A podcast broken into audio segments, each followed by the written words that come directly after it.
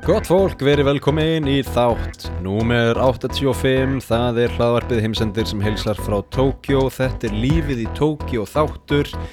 Ég er í Tókjó og ég er á lífi. Uh, Ég sit hérna heima í Tóritu dægaku, það er heitt úti, 30 gráður og uh, allt er eins og það á að vera. Í þessum þætti ætla ég að fjallum japanska drauga Yokkei heita þeir Þetta eru andar, þetta eru japanskir andar og japanskir draugar. Um, Ég ætla aðeins að skoða svona hvernig draugar og andar þetta eru. Eru þeir góðir, eru þeir vondir? Hvar get ég búist við þeim? Og hvað á ég að gera ef að ég lendi í yokai draugum?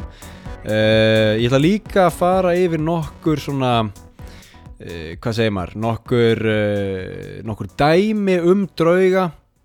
Þess er eins og hundur, þess er eins og skjaldbaka, þið veitir, eitthvað svona dæmi. Og síðan teki nokkra fasta dag, dagskrárliði afsakið og punkta í lokin. Sko ég með einn góðan dagskrárlið sem ég ætla, ég ætla að prófa ég ætla að prófa núna uh, á eftir. Það er spurningakefni vikunar hver Hver er sigurvegar í spurningakefni vikunar? Við finnum, uh, við komumst á því á eftir. Ég er líka með punta hérna um uh, japanskan gaur sem giftist tölvuleikja karakter. Ég er með uh, sögu um, um stuttmynd sem ég var að leiki, uh, bakari og, og röngen sem ég fóri og eitthvað svona alls konar, alls konar stöf, alls konar atriði úr lífi mínu í Tókjó. En uh, áður við dembum okkur í þáttinn þá skulum við taka smá Patreon spjall hérna. Uh, stærstu styrtaræðilar heimsendis á Patreon eru Þorgir Pálsson, Óskar Kemp og Discover True North. Það eru 30 dólara áskriftir á mánuði. Þetta eru loftsteinar. Uh, Býtti ég ætla að skoða að ég, mér langar svo að muna hvernig hérna ég skýrði, skýrði áskriftarleðirnar í byrjun. Maður sjá. Sko, við erum með þó nokkrar veigurúsíkingar, það eru 5 dólarar á mánuði. Við erum með held í tvær kjarnorkustyrjaldir, það eru 10 dólarar á mánuði. Og við erum með þrjá loftsteina, það eru 30 dólarar á mánuði. Enn sem komið er, er engin kapitalismi í heimsendi, en það eru 100 dólarar á mánuði.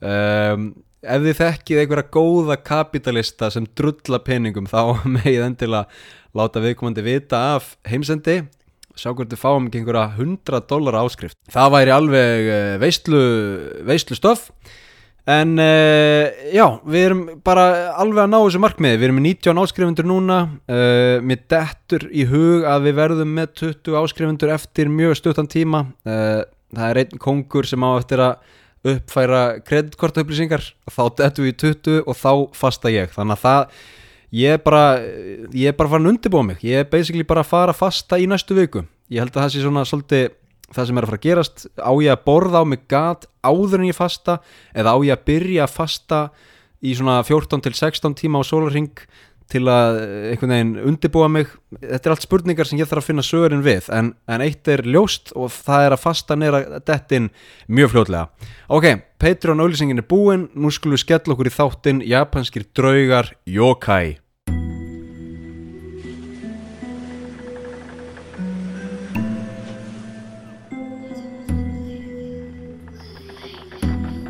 Yokai eru japanskir draugar og japanskir andar. Stundum er þetta kallað mononoke og þá koma alvur... Ah, smá tæknilegir örðuleikar hér, nei, joke. Þessi þáttur er á Patreon og þú kæri hlustandi getur verið á Patreon líka innan 5 mínútna ef þú ferð í Patreon appið, leitar að heimsendi og skráir þig. Ódýrasta leiðin, skráningar, áskriftarleiðin eru litlir 5 dólarar á mánuði, þá ertu svo kölluð veirusíking. Þú getur líka verið loftstate með 30 dólarar á mánuði, kjarnorkustyrjöld með 10 dólarar á mánuði eða kapitalisti eða kapitalismi með 100 dólarar á mánuði ef þú ert með stóra og þykka buttu. Uh, það er veistlega í gangi á Patreon, komdu þangað núna og þá færðu fullan aðgang af þessum þætti og öllum þáttum og myndbandsþáttum sem koma út frá heimsendir International. Eh, takk fyrir að skráði á Patreon, ég veit þú ert að fara að gera það núna. Takk fyrir það, takk fyrir að hlusta og við heyrumst í næsta þætti.